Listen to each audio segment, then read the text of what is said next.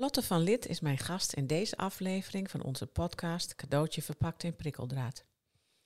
Lotte groeide op in een gezin waarin ze zich vanaf haar puberteit niet meer veilig voelde door de conflicten tussen haar ouders. Ze ontwikkelde eetstoornissen en deed er circa 12 jaar over om daar helemaal los van te komen. Ze leert ook veel van en over zichzelf in die periode. Wat eerder harde zelfafwijzing was, werd gaandeweg intens mens zijn. Bij toeval kwam ze in contact met de positieve desintegratietheorie van Dabrowski. Dabrowski was een Poolse psychiater die beide wereldoorlogen bewust heeft meegemaakt. De theorie van de positieve desintegratie is vooralsnog met name bekend binnen het onderzoek naar en onderwijs aan begaafde personen. Lotte dook in zijn theorie en is nu een autoriteit op dit gebied. Lotte studeerde onder andere literatuurwetenschap en schreef zelf het bijzondere boek Intens Mens. Ook daar gaat het over in deze podcast.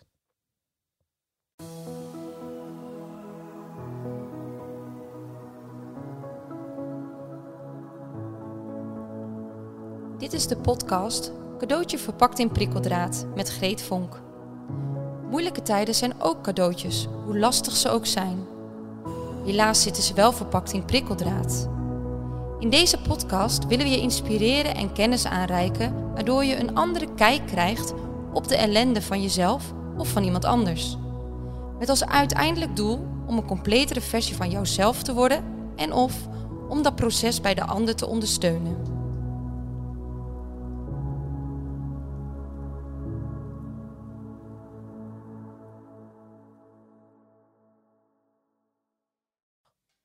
Lotte, welkom. Dankjewel. Nou, intussen weet je de eerste vraag, denk ik al. Wij uh, zitten hier op een uh, voor jou bijzondere plek. Waarom zitten we hier? Of waar zitten we hier en waarom? We zijn hier bij ons thuis. En ons, dat uh, is mijn partner, mijn dochter en ik. En ja, toen jij mij vroeg om een locatie uit te zoeken waar we elkaar zouden ontmoeten en dit gesprek zouden hebben, toen dacht ik aan verschillende locaties in Amersfoort, waar ik ook ben opgegroeid. En uh, nou, die, die locaties die zijn niet meer uh, toegankelijk. En toen kwam eigenlijk heel automatisch uh, het huis op. Jouw eigen huis? Ja. En dat heeft ook wel een symbolische betekenis, denk ik, ten aanzien van waar we het over gaan hebben.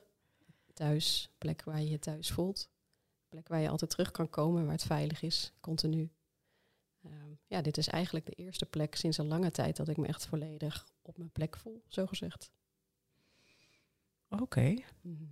Ja, dat is dan. En je woont hier nu, zei je? Nou, dit is, ik denk dat we nu zo'n zes jaar hier wonen. Ja. Het is heel fijn om een, om een, om een echt thuis te hebben. En dat heb jij, mm, wat je zegt, heel lang niet gehad. En dat heeft ook te maken met jouw verleden. Daar gaan we het over hebben.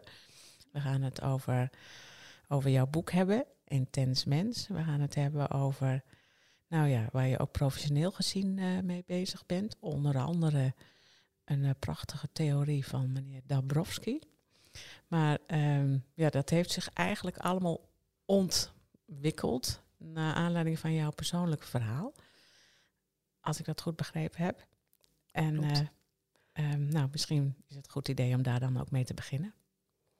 Ja, waar te beginnen dan, hè? Je persoonlijke verhaal. um, ergens in het midden. ergens in het midden. Ja, er zijn zoveel manieren om dat te vertellen, uiteraard. Um, maar ik denk dat een, een zinvolle invalshoek is uh, voor ons gesprek, is dat, uh, nou eigenlijk toen ik een jaar of elf, twaalf was, ontstonden er heel veel uh, conflicten bij ons thuis. tussen mijn ouders, ouders, mijn vader en mijn moeder. En dat is natuurlijk uh, voorafgegaan door een langere periode van al bestaande en oplopende spanning. Uh, nou, die, die ervaringen die hebben veel invloed gehad op mijn ontwikkeling, emotionele ontwikkeling. Op zowel, je zou kunnen zeggen, positieve als negatieve manier. Um, en ja, daar, daar zocht ik eigenlijk uh, zingeving voor. Van wat, wat is er nou gebeurd? En hoe kan ik me nu mezelf en het leven opnieuw begrijpen? En gaandeweg, toen ik bijvoorbeeld de positieve desintegratietheorie ontdekte van Dabrowski, waar je zojuist naar verwees, uh, ontdekte ik wat meer zingeving in die uh, heftige ervaringen. Ja. Maar hoe, hoe oud was je? Hè? Want je was elf jaar, zei je net, hè? Daar ben je niet mee begonnen op je elfde, dit soort. Ehm, die periode was heel naar eh, voor jou. Dat heeft jou een hoop ellende gegeven. Ehm, wat waren de vervelendste effecten voor jou?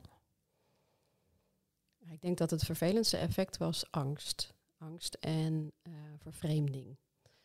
Uh, doordat de ruzies een lange tijd aanhielden tussen mijn ouders, konden ze er niet goed voor mij zijn en was, was het onveilig thuis. Uh, daardoor er echt wel angst ja, in mij gaan leven op een chronische manier. En ja, dat heeft natuurlijk heel erg veel invloed ook op hoe ga je het contact met de mensen om je heen aan. Hoeveel zelfvertrouwen voel je. Um, hoe, hoe, schat je de, de, de, positiviteit van het leven eigenlijk in? Hoe kijk je naar het leven? Um, ja, uiteindelijk ook een eetstoornis ontwikkeld, of eigenlijk meerdere vormen van eetstoornissen. Nou, een manier om controle te zoeken, opnieuw voorspelbaarheid in het leven. En ik denk dat dat toch wel de meest heftige gevolgen zijn geweest van die uh, ontwrichting die er thuis plaatsvond. Ja, dat is wel een heftig verhaal. Hoe lang heb je, hoe lang heb je daarmee uh, nou ja, geworsteld, laat ik het zo maar zeggen? Ik denk dat de eerste tekenen van de eetstoornis opkwamen toen ik een jaar of 12, 13 was. Dat ik in mijn dagboek terug kan lezen dat ik mezelf uh, een appel per dag voorschrijf qua eten. Um, ik, ik, had gelukkig net iets meer, maar het was wel het regime wat ik in gedachten had. En dat dat ook echt uh, ja, helemaal ging leven in mijn gedrag. Uh, nou, dat, dat, dat, dat werd steeds erger. Uh, en uiteindelijk denk ik dat ik toch zo'n um, nou, twaalf jaar wel bezig ben geweest met het zelf uiteindelijk kunnen omzetten van dat gecontroleerde gedrag naar zelfcompassie en een gezonde manier van eten en omgaan met de moeilijkheden van het leven. Dus dat is best een hele lange periode. Zo. Ja, ja dus toen was je zo'n beetje 24, 25. Ja, ik denk dat ik dat in ieder geval de leeftijd was waarop ik kon zeggen, nou nu heb ik al zeker een, een jaar helemaal niet meer daaraan gedacht. Ja. Uh, heb ik al helemaal geen, geen gedachte meer gehad aan de hoeveelheid calorieën in eten, bijvoorbeeld. Wauw. Dat is wel indrukwekkend. Hoe heb, je dat hoe heb je dat gedaan? Hoe heb je jezelf zo uit die ellende getrokken eigenlijk? Ja, dus uh, dat is wel een complex proces geweest, omdat het ook dus zoveel jaar omvatte. Um, allereerst een innerlijk proces. Dus in reactie op de ontwrichting die er thuis speelde, uh, ging er wel heel veel um, emotie bij mij borrelen en heel veel gedachten over wat het eigenlijk betekent om mens te zijn. Um, dat we allemaal kwetsbaar zijn. Dat zag ik bij mijn ouders. Dat we allemaal afhankelijk zijn van elkaar. veel existentiële vragen. Op zo'n jonge leeftijd al?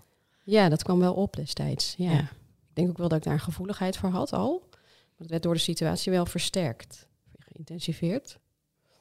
En dat heeft me wel geholpen, die, die intense gedachten en gevoelens die daar op gang kwamen.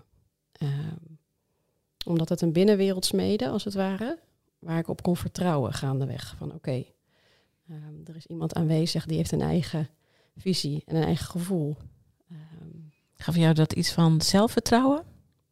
Initieel nog niet, want toen worstelde ik heel erg. Mm -hmm. Maar gaandeweg wel. Want ik mhm. merkte ook dat ik andere mensen daarmee kon helpen. Mm -hmm. Dus het was een bewustwording van, van kwetsbaarheid. En van de, ja, hoe het leven in elkaar zit en wat voor tegenslag daar onderdeel van kan zijn. En dat maakte mij ook meer compassievol richting anderen. Uh, dus dat bood wel een ingang tot contact en tot waardering. Uh, dus ik denk dat dat wel belangrijk is geweest in het hele, zo gezegd. Nou, daarnaast zijn er natuurlijk ook externe dingen die eraan bij hebben gedragen. Dus ook de uh, mensen die ik op mijn pad ben tegengekomen. Uh, ja, waarvan somm sommige mensen uh, ja, door misschien door de zelfstandigheid die ik uitstraalde heen keken. En zagen, oké, maar jij bent ook kwetsbaar. En ehm, konden uitreiken naar mij op een manier die ik uiteindelijk ook leerde lezen. Als oké, nu word ik gezien op een dieper gevoelsniveau dat is ook wel heel belangrijk geweest, denk ik. Ja, precies. Dat, nou, jij hebt ons boek gelezen hè, ook. En, en um, wij hebben het daar altijd over herkenning en erkenning. Of altijd, maar vaak. Maar die kreeg jij dus toen ook ja, er zijn cruciale momenten geweest waarin dat, waarin dat gebeurde. Ja. Eh, ik ben wel een lange tijd, denk ik, zeg maar, gedepriveerd geweest van die herkenning en erkenning. Dus dat ik het niet ervoer. Maar gelukkig ehm, kon ik het wel herkennen toen het er was. En toen heb ik het ook helemaal geabsorbeerd. nou ja, maar ja, dat zien wij in- in onze praktijk ook heel erg. Dat dat zo essentieel is als je, als je dat gemist hebt en je krijgt dat. Dat is, ja, dat klinkt een beetje raar, maar dat kan bijna wonderen doen, hè? Ja, dat is wel een kleine wonder van binnen inderdaad. Ook Ja. weer echt het gevoel om te leven en vooral ook in contact te staan met je omgeving. Ja, prachtig. hey, en ehm, eh, wat heeft dit betekend in, in jouw studiekeuze bijvoorbeeld? Dit soort, eh, ja, dit, dit soort worstelingen in jouw leven zo vroeg al. Ja, ik, zoekende initieel, omdat er een bepaalde, ehm, ja, ik was aan de ene kant kwetsbaar, maar aan de andere kant was er ook een bepaalde levenswijsheid al gegroeid. Dus ja, in mij ontstonden er verschillende leeftijden, zou je kunnen zeggen. Dat maakt het ook lastiger om, om eh, een studierichting te kiezen, zomaar. Van, van ja, hoe, hoe verhoud ik me tot een maatschappij waarin ik toch ook de kwetsbaarheid duidelijker zag al. Ehm, nou, uiteindelijk denk ik dat ik heel veel zingeving heb ervaren toen ik eh, literatuur ging studeren. En eigenlijk op, eh, op de bladzijde dezelfde soort conflicten las als die ik zelf ook ervoer. En ook vaak met dezelfde intensiteit beschreven. En eh, ja, dat was denk ik ook helend, literatuur studeren. En daarmee ook een enorme stimulans voor mij om te denken, hé, hey, maar je kunt er echt, je kunt als je je ervaringen op papier weet te zetten, kun je andere mensen raken en ook hen iets bieden wat voor hen waardevol is. En ja, dat, ja, dat heeft zich nu ook wel geuit in mijn eigen schrijven. Ehm, ik denk dat dat de belangrijkste studiekeuze voor mij was, naast andere ja, disciplines die ik ook interessant vond en ben gaan exploreren. Was vooral de literatuur voor mij, ehm, ja, dat was wel een epiphany, zoals ze dat noemen. Een, een epiphany? Een epiphany. Epiphany, dat woord ken ik niet. Wat eerlijk gezegd. Nou, een soort van extatisch moment van, oh wauw. Ehm, di- dit is ook wie ik ben met deze intensiteit schrijven. En dit is ook wat ik de wereld wil bieden. Mooi. Ja. Ja, want daar heb je uiteindelijk ook een boek over geschreven. eh, eh, over al die, al die nou ja, extatische dingen. Maar daar gaan we straks nog naar kijken. Ehm, hoe, hoe ontwikkelde jouw leven zich daarna een beetje? eh, want, je bent allerlei verschillende kanten uitgegaan. En ik ben wel heel benieuwd hoe je daar eigenlijk allemaal bent gekomen. Ja. Ehm, nou, na literatuurwetenschap te hebben gestudeerd, ge- te hebben gestudeerd ehm, was ik wel eventjes ja, zoekende. Want je hebt geen beroepsopleiding gehad. Hè? Dus wat, wat ga je doen in de maatschappij? En precies op dat moment ehm, leerde ik via een datingsite iemand kennen die mij wees op de positieve desintegratietheorie. En ja, daar las ik over. En dat was meteen een enorme intuïtieve klik. Eh, De wijze waarop de Borowski kijkt naar het belang van emotionele ontwikkeling en hoe we van innerlijke conflicten leren. En daar heb ik me volledig in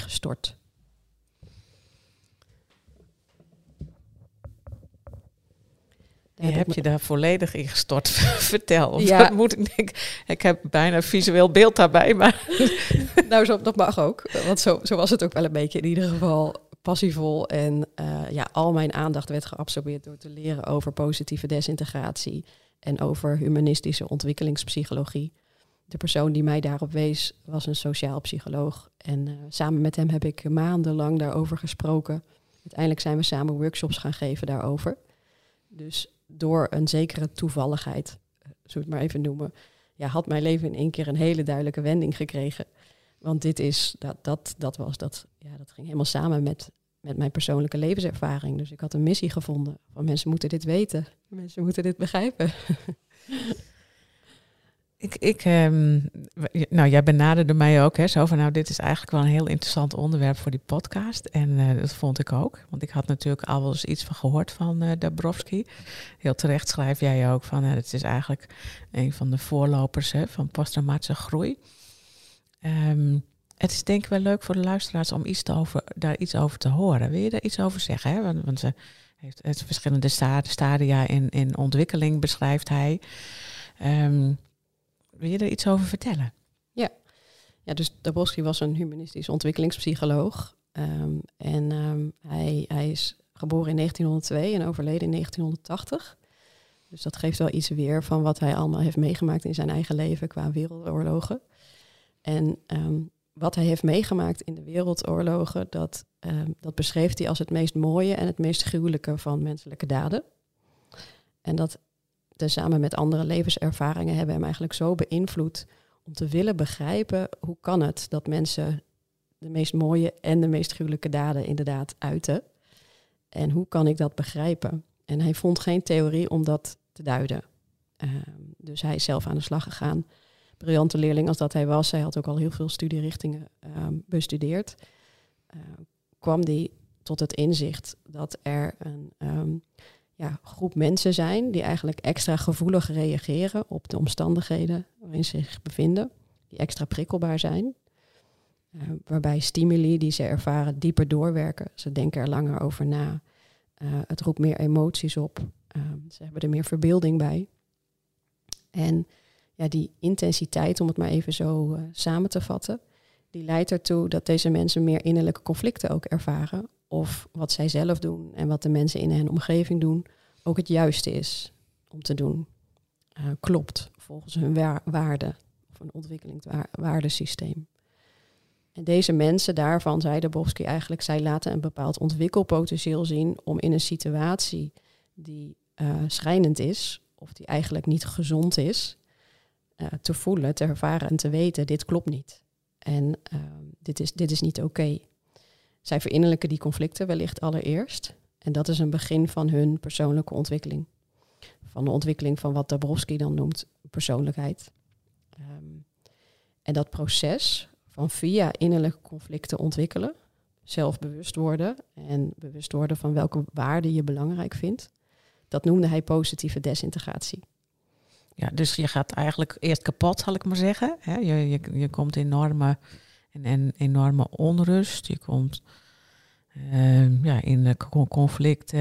Je weet helemaal niet welke kant je uitgaat. En, en dan, ja, dat is een belangrijk onderdeel van dat is een fase eigenlijk in zijn groeiproces. Begrijp ik dat goed, wat je nu zegt? Ja, dus het desintegreren, het uiteenvallen, um, dat is positief vanuit zijn perspectief. Omdat het uh, meebewegen met ofwel de normen die niet gezond zijn, ofwel alleen je eigen impulsen, eigenlijk uiteenvalt, volgens de. Daar, uh, daar ontstaat onrust over. Van hé, hey, maar zo, zo zou ik het eigenlijk niet willen. Dit klopt eigenlijk niet, maar wat klopt dan wel? En daar begint een heel leerproces waarbij er eerst, volgens Dabrowski, ontwrichtende groeikrachten spelen, psychologische groeikrachten. Dus bijvoorbeeld ambivalentie, dat je niet weet wat je wilt en dat je soms iets leuk vindt en op een ander moment in één keer hetzelfde weer, helemaal niet leuk. Um, individu zoals het zichzelf kende, als het ware, gaat niet meer volgens dezelfde manier om met het leven, maar weet eigenlijk ook nog niet echt een alternatief. Dus dat is een hele onrustige periode. Um, waarop veel mensen misschien ook wel van zullen voelen van dit wil ik niet. Ik wil weer terug naar de voorspelbaarheid zoals die eerder was. Ik wil de ouder weer worden. Ja, de reïntegratie als het ware in die manier. Um, en de Boske zei, ja, eigenlijk is daar begint de echte verandering. Daar begint het opbouwen van uh, wie je aan het worden bent. En wat voor nieuw waardesysteem je kan ontdekken voor jezelf. En uh, in die uh, in die theorie ben jij, wat je net al zei, enorm ingedoken. Daar weet je heel erg veel van. Daar geef je ook les over intussen. Um, of intussen, dat doe je al een poosje. Daar, doe je, uh, daar geef je ook workshops in. Dat doe je nog steeds? Veel, weinig? Of ja, moet ik het zien? Ja, zo af en toe heb ik uh, zelf een ambivalentie rondom mijn uh, liefdesverhouding tot uh, Dabrowski's positieve desintegratietheorie. Dus dan denk ik eventjes een tijdje van, ik, ik, ik ga er even van weg. Maar het, we, we, blijven onze liefdesverhouding onderhouden. en ik doseer nog steeds met veel passie over deze theorie, inderdaad. En ook workshops binnen mijn eigen bedrijf. Ja. ja. En gebruik jij het ook in jouw werk veel nog? Want je bent, jij bent coach, hè, ook? Dus naast docent ben je coach en je bent schrijver, maar gebruik je het ook veel in je werk? Ja, wisselend tussen direct op indirecte wijze. Dus eh, iets wat Dabrowski zelf ook beschreef. Maar voor sommige mensen is het al heel erg inzichtelijk en helpend om te lezen over deze theorie. Want dat biedt context aan hun ervaringen, aan hun proces van ontwikkeling. En daarmee nodigt het hen ook uit om dat nog voller aan te gaan en aan te durven gaan. Eh, voor anderen is het meer indirect dat ik het in gedachten hou en daardoor ook ja, sensitiviteit heb over hoe conflicten samenhangen met ontwikkeling. En op die manier dus ook eh, eh, ja, de ander benader en bij het proces van de ander ben. En eh, ja, dat roept natuurlijk ook bepaalde empathie op, maar ook inzicht, wat voor de ander ook waardevol kan zijn. Hey, en, en toen jij dus een beetje naast je, na jouw literatuurstudie een beetje vast zat, toen ontdekte je dit, nou ja, dit, deze theorie van Dabrowski. In hoeverre heeft dat nog bijgedragen aan jouw eigen persoonlijke ontwikkeling? Ja, op verschillende manieren denk ik. Eh, heel concreet, doordat ik iemand trof, eh, de persoon die mij wees op deze theorie, waar ik mij aan kon spiegelen. Dus dat was sowieso al een sociaal, een connectie die heel erg belangrijk voor me bleek op dat moment. Ehm, cognitief, doordat het eigenlijk wat ik net ook zei, context biedt aan, eh, bood aan, biedt en bood aan, aan mijn eigen ervaringen. Te begrijpen eh, waarom ik eigenlijk op jonge leeftijd al wel voelde van oké, dit is ontwrichtend, deze ervaring. Maar ik merk ook dat ik op dit moment heel veel leer. Dus terwijl ik die conflicten meemaakte thuis, was ik me er wel bewust van dat ik heel veel inzichten opdeed achter elkaar. En ehm, ja, de desintegratieve ervaring die ik had, die, die riep ook wel levenskracht in me op. Want het was een behoorlijke uitdaging. dus het riep ook levenskracht in me op om om te gaan met de kwetsbaarheid die er op dat moment was. En ook dat werd wel gespiegeld in Dabrowski's theorie. En het bood me ook een maatschappelijke, eh, ja, maatschappelijke zinvolheid. Want nu kon ik eh, met die theorie ook iets aan anderen bieden. En ja, dat, dat is ook belangrijk geweest voor zelfvertrouwen en het voelen dat ik toch een plek heb op deze wereld. Iets waar ik toch wel een tijdje aan getwijfeld heb. Ja, precies. En, en, waar je ook ehm, ja, heel zingevend mee bezig kon zijn. Ja, creatief, zingevend. En ja, met de kern van de waarden die ik thuis ontdekt had. Namelijk dat emotionele ontwikkeling heel erg belangrijk is voor, naar mijn beleving, ieder mens.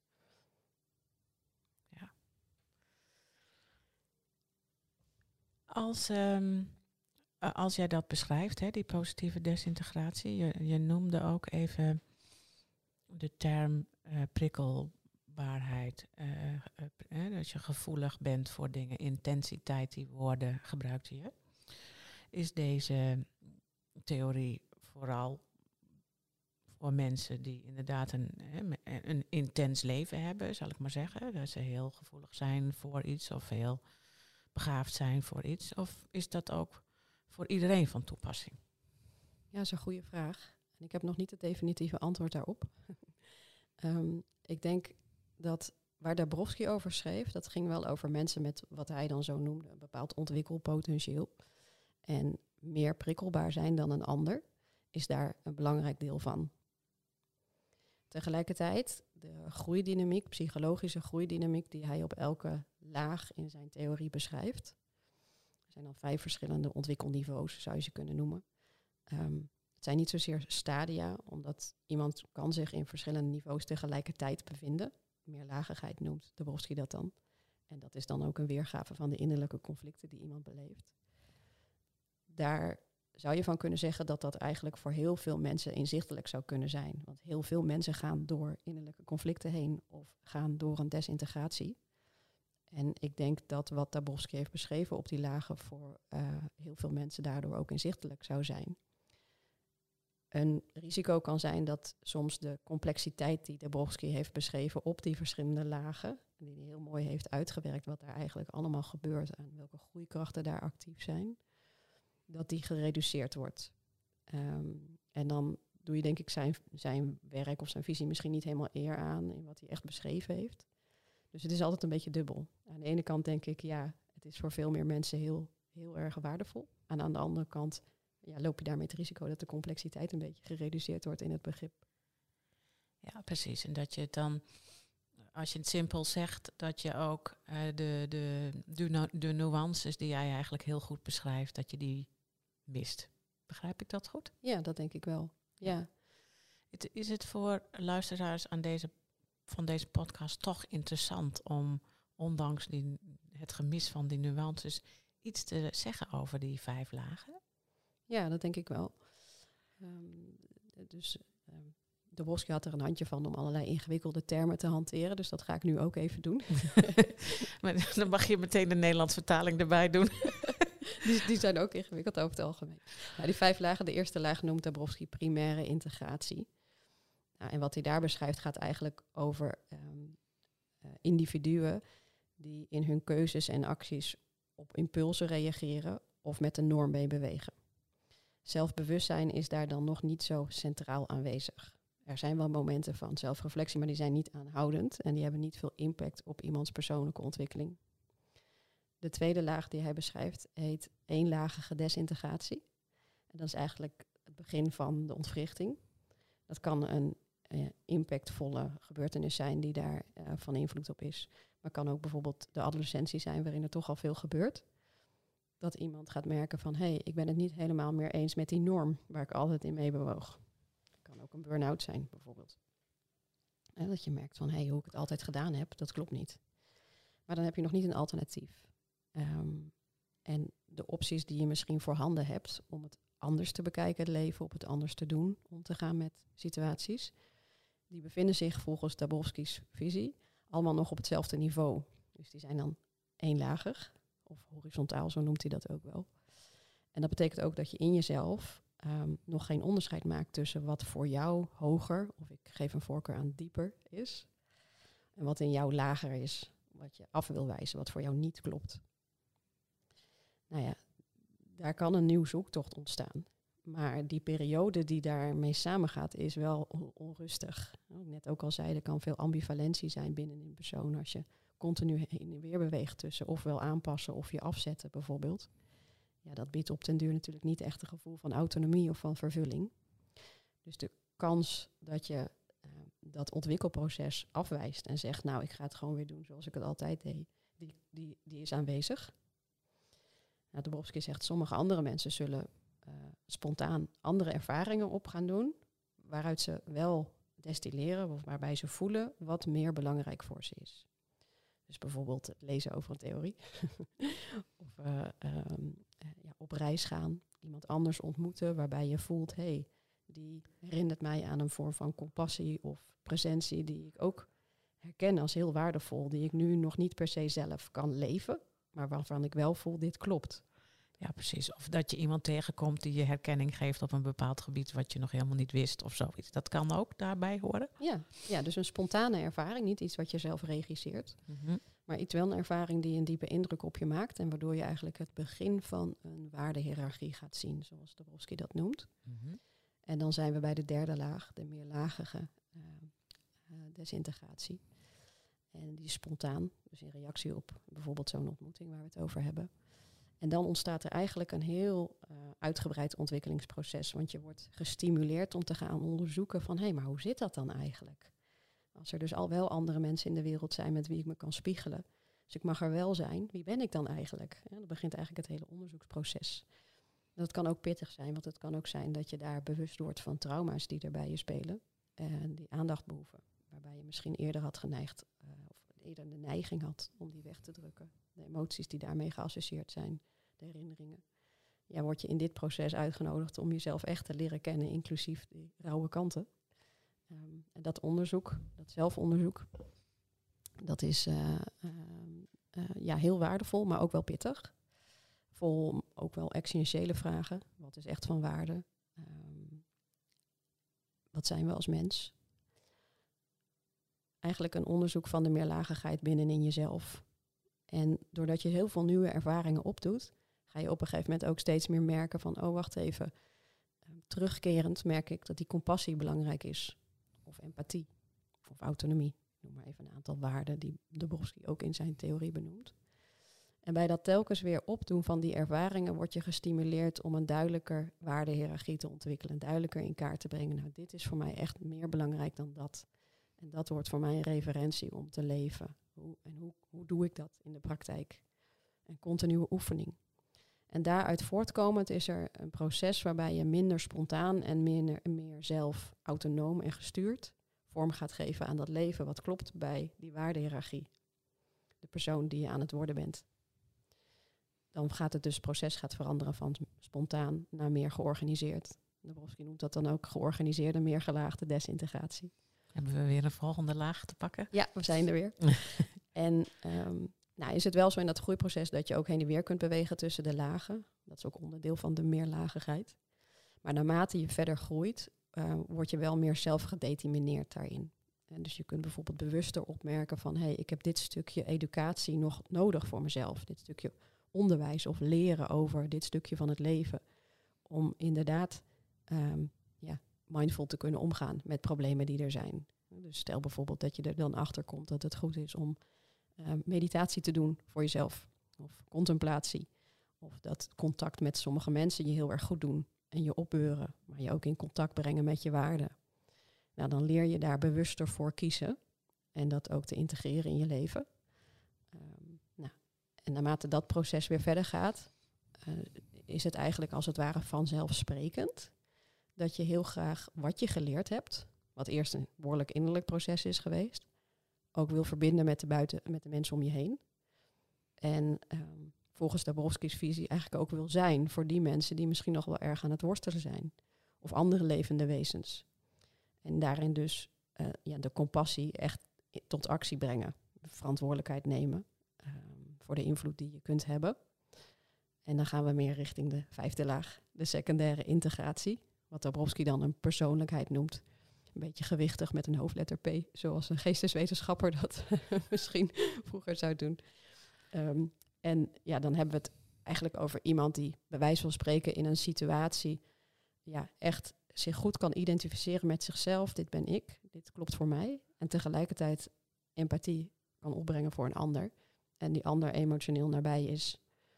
Uh, en zich niet meer enorm laat afleiden door de innerlijke conflicten. Want die persoon is daar al uh, in contact mee geweest. En kent het reilen en zeilen van de binnenwereld aardig goed. Um, ja, dus dit is eigenlijk in een notendop de groeidynamiek op die verschillende lagen. Het is wel interessant, hè? Ja. Ik kan me wel voorstellen dat je daar uh, in gedoken bent. En, en ik zie inderdaad ook wel um, um, heel veel verbinding of relatie met, met het thema waar, waar deze podcast over gaat, posttraumatische groei. Um, jij hebt uh, ons boek ook gelezen, hè? Posttraumatische groei sterker door ellende. En um, ik ben benieuwd naar jouw visie op, um, nou ja, in hoeverre jij dat ziet, hè? Hoe, hoe de theorie van Dabrowski een voorloper is op posttraumatische groei, hoe je überhaupt tegen dat gedachtegoed aankijkt. Zou je daar iets over willen delen met ons? Ja, Um, nou, ik denk, ik denk inderdaad dat er een hele interessante overlap zit tussen de positieve desintegratietheorie en de posttraumatische groei. Uh, Dabrowski's um, uiteenzetting rondom positieve desintegratie was ook wel een reactie op uh, de dominantie van het behaviorism in zijn tijd. Behaviorism is ook een stroming binnen de psychologie, waarbij je eigenlijk spreekt over een stimulus en een respons. En wat er dan binnenin bij jou gebeurt als mens is eigenlijk niet zo interessant. Er is een prikkel en daar volgt gedrag op. Maar we vragen ons niet af wat er in de binnenwereld gebeurt van de mens. Nou, Dabrowski was het daar niet mee eens. Die had zoiets van, hé, hey, maar die emotie en die binnenwereld is wel heel erg belangrijk. Sterker nog, die is doorslaggevend voor morele ontwikkeling bijvoorbeeld, emotionele ontwikkeling. Nou, dat was in zijn tijd ook extra belangrijk, want hij had natuurlijk twee wereldoorlogen meegemaakt. En hij heeft letterlijk aan den lijve ondervonden wat er gebeurt als mensen zich enorm laten gaan. Um, dus het humanisme, waar hij onderdeel van was in zijn visie, was ook een reactie daarop. Van, uh, uh, opnieuw een geloof in de menselijke progressie, wat wel nodig was. Na alle ja, intense ellende die ze natuurlijk ook hebben meegemaakt in die tijd. Nou ja, als je dan kijkt naar zijn theorie, dan zie je ook dat um, ja, hij in, in, de, in de Engelse stukken van zijn werk zie ik het nog niet vaak terug, het woord trauma. Ik weet wel dat dat in zijn Poolse stukken, die nog niet vertaald zijn en die nog wel vertaald worden, dat het wel terugkomt. Maar je ziet natuurlijk wel dat ontwrichtende ervaringen uh, een centrale rol spelen uh, in de positieve desintegratietheorie. En dat is ook de kern van de posttraumatische groeitheorie. En ik denk wat ook een hele interessante link is, is dat volgens Dabrowski was zingeving eigenlijk ook het hebben van een ehm, emotioneel inzicht wat je verkrijgt door echt zelf levenservaring op te doen. En als je die levenservaring opdoet en helemaal doorleeft, dan kom je bij essenties uit van wat het betekent om in leven te zijn. En ook wat het betekent om jou te zijn, specifiek. Welke positieve kwaliteiten jij eigenlijk hebt. Die soms juist worden opgeroepen in hele moeilijke omstandigheden. Ehm, en dat raakt denk ik ook sterk aan de posttraumatische groeitheorie. Ja, enorm zelfs. ja, want dat is eigenlijk waar het voor een heel belangrijk deel over gaat. Hè? Dat je er een soort van, ja, wij noemen dat een completere versie van jezelf wordt. Eh, soms zeggen mensen ja, een complete versie van jezelf, maar dat is het niet, want je weet nooit wanneer dat is. De completere versie van jezelf. Ja, ik vind dat een hele fijne verwoording. Ehm, en ik denk ook dat um, posttraumatische groeitheorie voor mij gaat ook niet zozeer omdat je een trauma moet meemaken om überhaupt te kunnen groeien. maar meer hoe, hoe ga je om met, hè, ten eerste hoe ga je om met het lijden wat, wat er volgt. En daar kan een groei in zijn. Maar het is ook vaak toch nog wel een stukje dieper, omdat je, zoals ik al eerder ook een beetje over benoemde, dat je, ja, je komt ook in, in, voor een moment kom je soms ook in je levenskracht te staan. Want je moet omgaan met iets wat heel heftig is. En dus mensen worden vrij uh, abrupt misschien in situaties wakker geschud van nu moet je tot actie overgaan om te overleven. Dat is helemaal geen fijne ervaring. Um, maar is wel een intense spiegeling van wat het betekent om mensen te zijn. En als mensen dat positief kunnen integreren, via die positieve desintegratie, um, ja, ga je denk ik nog meer voelen wie jij specifiek bent en wat jij ook de wereld ook weer kan bieden. En die completere versie, um, ja, ik denk dat heel veel mensen het erover eens zullen zijn dat dat uiteindelijk echt zinvoller voelt voor hen. Ja, de, bij de meeste mensen is dat zo. Alhoewel natuurlijk je ook. Um, ja, wij zijn er altijd heel zorgvuldig in. En mensen maken soms ook echt dingen mee waarvan ze heel erg groeien op persoonlijk gebied. Maar als ze de keuze hadden gehad, dan hadden ze nooit datgene willen meemaken om die groei te realiseren. Ja, nou dat, ik denk dat dat ook een hele belangrijke nuancering is. Kijk, als ik nadenk over mijn persoonlijke ervaringen, bijvoorbeeld in de thuissituatie, dan zou ik het niemand aanraden om, om dat te gaan herhalen. Van, ook niet vanuit de, het perspectief van de posttraumatische groeitheorie. Um, omdat het ontberingen zijn die, voor een kind. En, het, en dat, je wordt er behoorlijk kwetsbaar van. En ook heden ten dagen is dat ook zo dat als ik veel stress ervaar, dat ik nog steeds heel bewust word van die kwetsbaarheid die daar ontstaan is. Ik laat me niet meer door leiden. En ik zie er ook de zingeving van, maar het is er wel. En dat ontkennen is denk ik ook niet eerlijk. Dus het heeft altijd die twee kanten. Ja. ja interessant. hey, en ergens in dat, um, nou ja, in al dat ontwikkelingproces van jou, um, komen dingen ook samen, heb ik de indruk. Jouw literatuurstudie, de ellende die je zelf meegemaakt hebt in je leven, de, de, de, de gevoeligheid, de prikkelbaarheid die je ergens onderweg ook ontdekte. En ook eigenlijk wel uh, een stuk nog van de theorie van de Brovsky, alhoewel je dat niet zo letterlijk beschrijft. Maar dat neem je dan op in een boek wat heet Intens Mens. Ja. En ik heb dat gelezen. En ik heb nog nooit zo'n boek gelezen. en jij schrijft daar zelf, ik weet niet of je het zelf zo hebt beschreven, maar daar staat ook als ondertitel op: Intens Mens is een bundel lyrische reflecties op zingeving, emotionele ontwikkeling, begaafdheid en meer. Wat heb jij precies gedaan met het boek? Wat heeft het voor jouzelf opgeleverd? Wat, wat beoogde je ermee? En, en misschien nog wel veel meer. nou, dit boek is geschreven door denk ik een periode van drie tot vier jaar in totaal. En het zijn uh, ja, allemaal losse lyrische reflecties op deze thema's. En eigenlijk elke keer als ik aan het schrijven was, dan uh, zag ik heel duidelijk een lezer voor me. En concentreerde ik me ook heel erg op de gezichtsuitdrukkingen van deze lezer. Voelde ik me heel verbonden met die lezer. En vooral ook vanuit mijn waarde eh, dat ik er heel erg die, op een diep niveau van overtuigd ben dat emoties enorm logisch zijn. En hoe we ons voelen een enorm logische reactie of interactie is met wat we meemaken. En dat ik het ook heel belangrijk vind dat we, da dat, we dat leren als mensen. En met die wijsheid uh, ons leven vormgeven. En met die passie die ik daarbij voel, uh, heb ik de stukken geschreven. Uh, geïnspireerd uiteraard door alles wat ik lees, de mensen die ik ontmoet, de levenservaringen. En telkens geprobeerd om een vorm te vinden, een beetje barokke vorm, waarin de intensiteit die ik als thema heb ook in de vorm overkomt. Dus dat vorm en inhoud elkaar in die zin versterken. En dat elk stuk dat je leest je ook in dat moment even bij die intensiteit brengt. Intense momenten waarin je zelf ook een inzicht opdoet. Uh, bewust wordt van, oh, dit raakt me echt of dit vind ik belangrijk.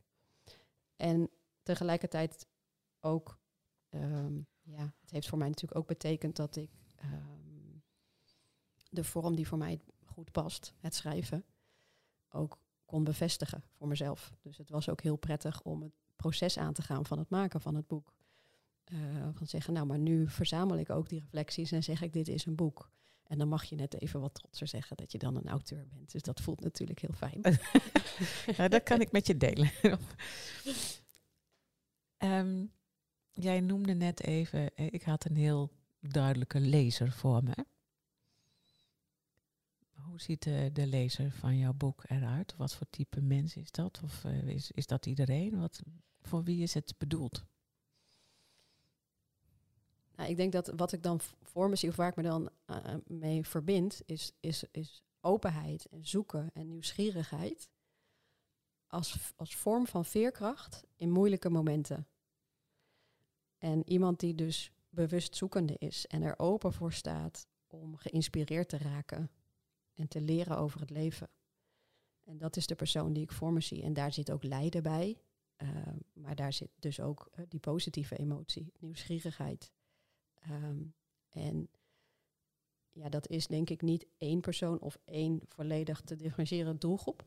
Maar ik denk wel um, dat omdat ik vanuit wie ik zelf ben en de kennis die ik opgedaan heb over bijvoorbeeld begaafdheid en over prikkelbaarheid, dit boek uh, bijvoorbeeld heel erg waardevol kan zijn voor um, mensen die willen begrijpen wat de intensiteit bij begaafdheid kan zijn.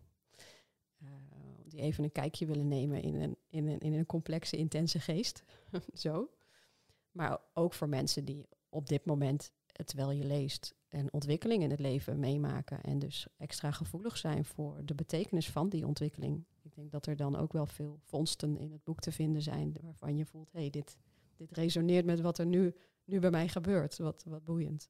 En misschien ook wel verhelderend op dat moment. Mooi. Wat voor reacties krijg je op dat boek?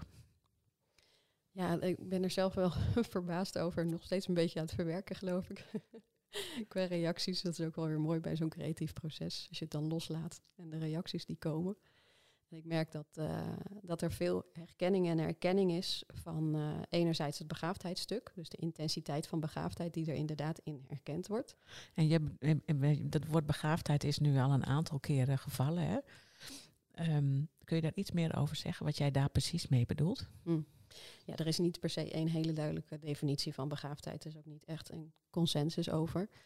Uh, begaafdheid um, zal ik in deze context kunnen beschrijven als mensen die intens, sensitief, complex gedreven zijn, in het leven zijn.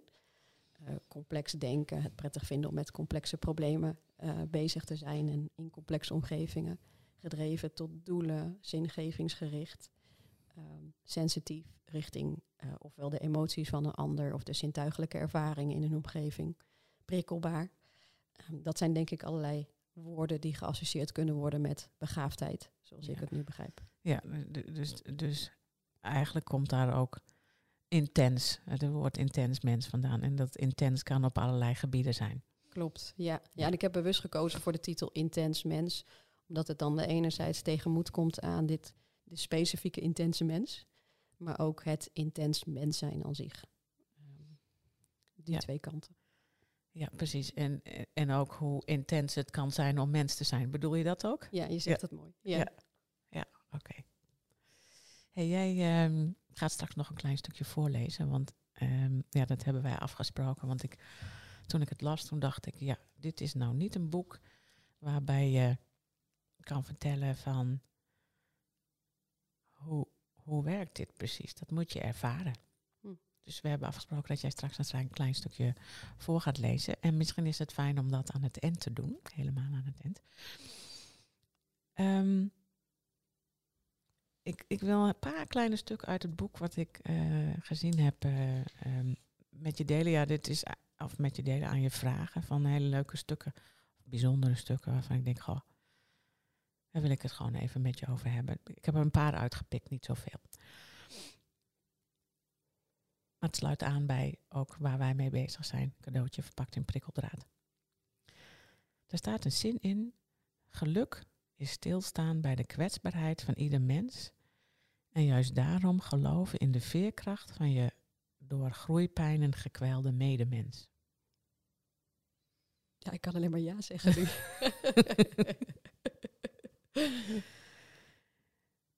Ik vond dat zo'n mooi stuk.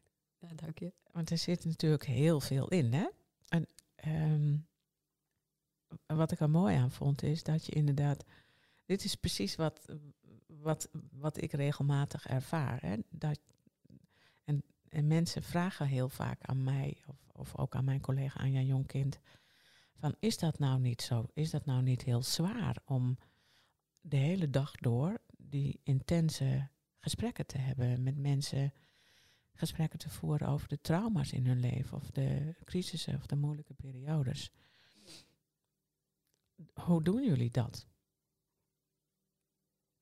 En dan denk ik, ja, hoe doe ik dat? En toen zag ik deze zin staan en toen dacht ik, ja, dat is hem. Het is eigenlijk een vorm van geluk. En, en hoe gek het ook is, je kunt zo dichtbij iemand komen in tijden van ellende dat je daar heel veel energie uit krijgt, maar dat het ook een soort van, ja, het is een intense tevredenheid eigenlijk, dat, dat je dat kunt. Ja, je zegt het heel mooi, denk ik. Dit eh, prachtige context bij de zinnen die je hebt gekozen. En Ja. eh, zeer herkenbaar voor mij ook. Ja. Ja. Waar ik een vraag over had, is een volgende. Wie met alle zintuigen naar andermans zinnen luistert, voelt zich als bewustzijn gehoord. Ik denk dat ik daar een beeld bij heb, maar misschien wil jij dat eens wat ondertitelen. Het blijft altijd leuk dat, dat zinnen natuurlijk multi-interpretabel zijn. Eh, dus dat, dat laat ik ook maar zo. Maar, maar wat, ik, wat ik er zelf bij associeer is... Ja, als je heel open en diep luistert naar, ehm, naar een ander... ehm, en dat vind ik ook zo mooi aan stemmen, dus dat past ook wel bij een podcast. En dan, eh, als je dan luistert naar een ander, dan, dan, dan ben je eigenlijk zelf ook ter plekke ook al ehm, beluisterd, als het ware. Als je echt heel diep luistert naar de ander, dan hoor je altijd jezelf ook daarin terug. Zonder dat je per se aan het projecteren bent. Je bent heel nabij die ander en tegelijkertijd ben je er zelf ook helemaal. En ehm, ja, valt eigenlijk ook het onderscheid tussen, tussen de ander en jezelf weg. En vandaar word je als bewustzijn gehoord. Ja, dat woord zelf is essentieel hierin, hè? Want wat is, want dat is heel erg, ja, dat is, dat is niet ik, maar het is zelf. Ja. Dat is iets heel anders. Ja, klopt.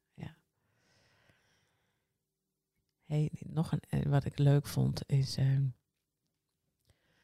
groei is belangrijker dan baden in het bekende. Je voelt je snel in de val van de gewoonte gelokt en hebt behoefte aan bewegingsvrijheid. Tuurlijk, zo leeft het, zo beleef jij. Reflecteer er eens op of zeg er eens iets over. Ja. Nou, ik voel me een beetje betrapt hierbij, want het is wel een, dit is wel, ehm, nou, ik zou zeggen, zowel een, een positieve kwaliteit van mij als een, als een lichte valkuil. Toeval bestaat niet in het leven, hè, zeggen ze dan. ja, ja, nou, dit ehm, het gaat, het gaat, dit stuk gaat, gaat ook heel erg over ehm, de, in, de, de intense wens om naar de groei toe te, be- te, te bewegen, ermee aan de slag te gaan, te onderzoeken, te exploreren. Ehm, nou, zoals ik zei, dat, dat zie ik als een kwaliteit en soms als een kwetsbaarheid. Uh, een beetje groeigretig, als het ware. Um, en het is bijna geen keuze, dat is een gegeven. En dat vind ik ook mooi aan in leven zijn, dat er, dat er zo'n soort pool in, in zit van oh, te, willen leven, te willen ontdekken. Het is hartstikke mooi om dat bij een ander te zien. En uh, ja, dat herken ik ook heel erg binnen in mezelf. Maar wat ik wel aardig vind is dat je zegt, ja, ik voel me bijna betrapt. Alsof dat, waarom, waarom reageer je daar zo op? Want, nou ja, wat, wat wij in onze praktijk ook veel gebruiken is van, uh, uh, wat, hoe completer je wordt eigenlijk, hè? hoe meer je ook met uitersten gaat leven. En hoe bedoel je dat met uiterste leven? Nou, dat je heel bewust kunt kiezen door soms bijvoorbeeld heel geduldig te zijn en soms juist heel ongeduldig te zijn. Hm. Uh, soms heel lief te zijn, soms juist heel, misschien soms bijna agressief te zijn als de situatie dat vraagt. Ja, ja ik...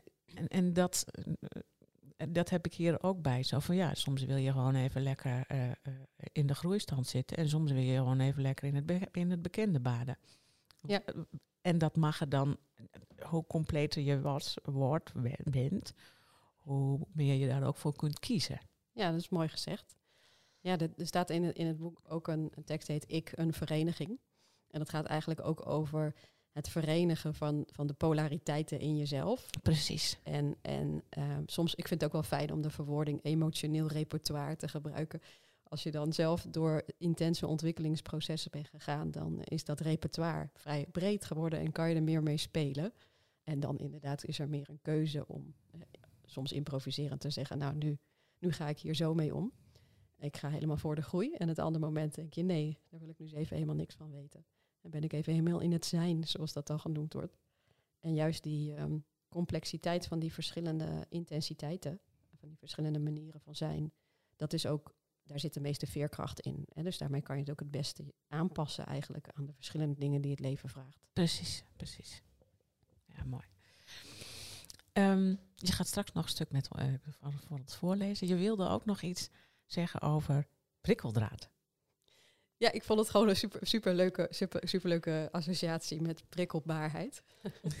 een cadeautje in prikkeldraad. En uh, voor, voor de mensen die zich herkennen in de overexcitabilities, de overprikkelbaarheden uit de theorie van positieve desintegratie. Dus dat uh, meer dan gemiddeld, zoals Dabrowski dat dan zegt, reageren op prikkels, langer doorwerken, meer mee bezig zijn. Ik zou het wel mooi vinden als zij dat zelf ook als cadeautjes in prikkeldraad zouden, zouden ervaren.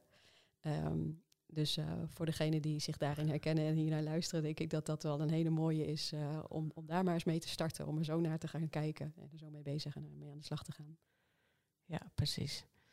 Ja, en, en nou, wij schrijven uh, daar ook altijd in ons boek hebben we een kleine metafoor um, over cadeautjes verpakt in prikkeldraad. En die heet heb lef. Want het vraagt ook lef om niet ouder te worden. En de nieuwe versie van jezelf uit te pakken. En dat heel zorgvuldig en precies te doen. Um, ja, omdat het natuurlijk ook een pijnlijk proces is om prikkeldraad eraf te halen. Ja, ja mooi. mooi. Mooi hoe al die dingen elkaar raken zo. Ja, prachtig. Hey, voordat jij een stukje gaat lezen, heb jij nog uh, iets wat je graag nog zou willen delen? Nou, ik denk dat dat ook wel samengevat wordt in wat ik zo ga voordragen. Um, maar ik denk dat voor mij in ieder geval de belangrijkste samenvatting is, waarin al deze verschillende thema's die we aanraken uh, samenkomen, is dat we als mensen ook heel veerkrachtig zijn. En um, simpelweg al omdat we willen overleven. en, en ook als we die veerkracht herkennen, dat we ook met kwaliteit kunnen voortleven. En ja, dat ontroert mij altijd weer. En dat is dus dat jullie hier aandacht voor hebben via de posttraumatische groei vind ik enorm waardevol. Dus uh, heel dankbaar voor ook. Dankjewel. nou, ik ben uh, benieuwd wat je gaat voorlezen. Het stuk dat ik uh, ga voordragen heet Wat je zoekt, zoekt jou. Er zijn perioden in je leven dat onrust, onbestemdheid, ambivalentie en onverbondenheid de boventoon voeren. Een boventoon voortspringend uit een psychologische diepte die je niet kunt invoelen, duiden of bezingen. Het zijn perioden waarin je zoekende bent en je nog niet realiseert, je nog niet herinnert dat wat jij zoekt, jou ook zoekt. Wie bekend raakt met de levensritmes, de eigen gemoedstoestanden en hun samenhang met de levensgemoederen, weet dat je in een periode als deze dient te verstillen en te verlangzamen. Dat je lang genoeg stil dient te blijven staan om dat wat jou ook zoekt, de kans te bieden jouw geest en lichaam te vinden, te bezielen. Blijf lang genoeg stilstaan, precies daar waar je bent, meebewegend op het tempo van je levensadem en merk op hoe zich krachten binnenin jou bevinden die we helderheid, vertrouwen, doortastendheid en intensiteit noemen. Krachten waarmee je de schoonheid van het niet zo mooie wederom kan waarnemen. Krachten die onzichtbaar, ontembaar en van kruin tot kleine teen voelbaar zijn. Een zoekend mens is een reizend mens. Als twee parallel even snel razende treinen treft dat wat jou zoekt jou in volmaakte stilstand. Als alle bewegingen die we bewustzijn noemen er tegelijkertijd en ongerept mogen zijn, is het lot daar waar jij bent. Dankjewel. En ook dankjewel voor jouw bijdrage aan deze podcast. Ja, fijn dat dat kon. Heel fijn gesprek zo, dankjewel. Dankjewel voor het luisteren naar deze cadeautje verpakt in prikkeldraad podcast. We willen nog graag een paar belangrijke dingen met je delen. Als je enthousiast bent over deze podcast, dan zijn we blij met een review. Daarmee help je ons bij onze missie. Je kunt de podcast natuurlijk ook doorsturen aan mensen van wie jij denkt dat ze er ook iets aan hebben. Wil jij voortaan alle nieuwe podcastafleveringen overzichtelijk op een rijtje? Abonneer je dan op deze podcast. Heb je vragen of ideeën voor deze podcast? We horen het graag. Je kunt een mail sturen naar info@sterkerdoorellende.nl of Greet Vonk een bericht sturen op LinkedIn. Zoveel mensen kunnen profiteren van een andere kijk op ellende. Het is daarom onze missie om PTG bekender te laten worden dan PTSS. Wil jij meer weten over PTG of bijdragen aan onze missie? Je kunt op onze website www.sterkerdoorellende.nl onze boeken bekijken en eventueel kopen, de e-learning bekijken, een gratis inspiratiesessie volgen, de PTG-vragenlijst invullen, workshops en opleidingen boeken. We hopen dat deze podcast jou heeft geïnspireerd, zodat je in tijden van ellende in jouw leven of werk kiest voor het positieve en hoopvolle gedachtegoed van PTG. Voor jouzelf, je familielid, je vriend, vriendin, collega, klant, voor wie dan ook. Tot de volgende keer.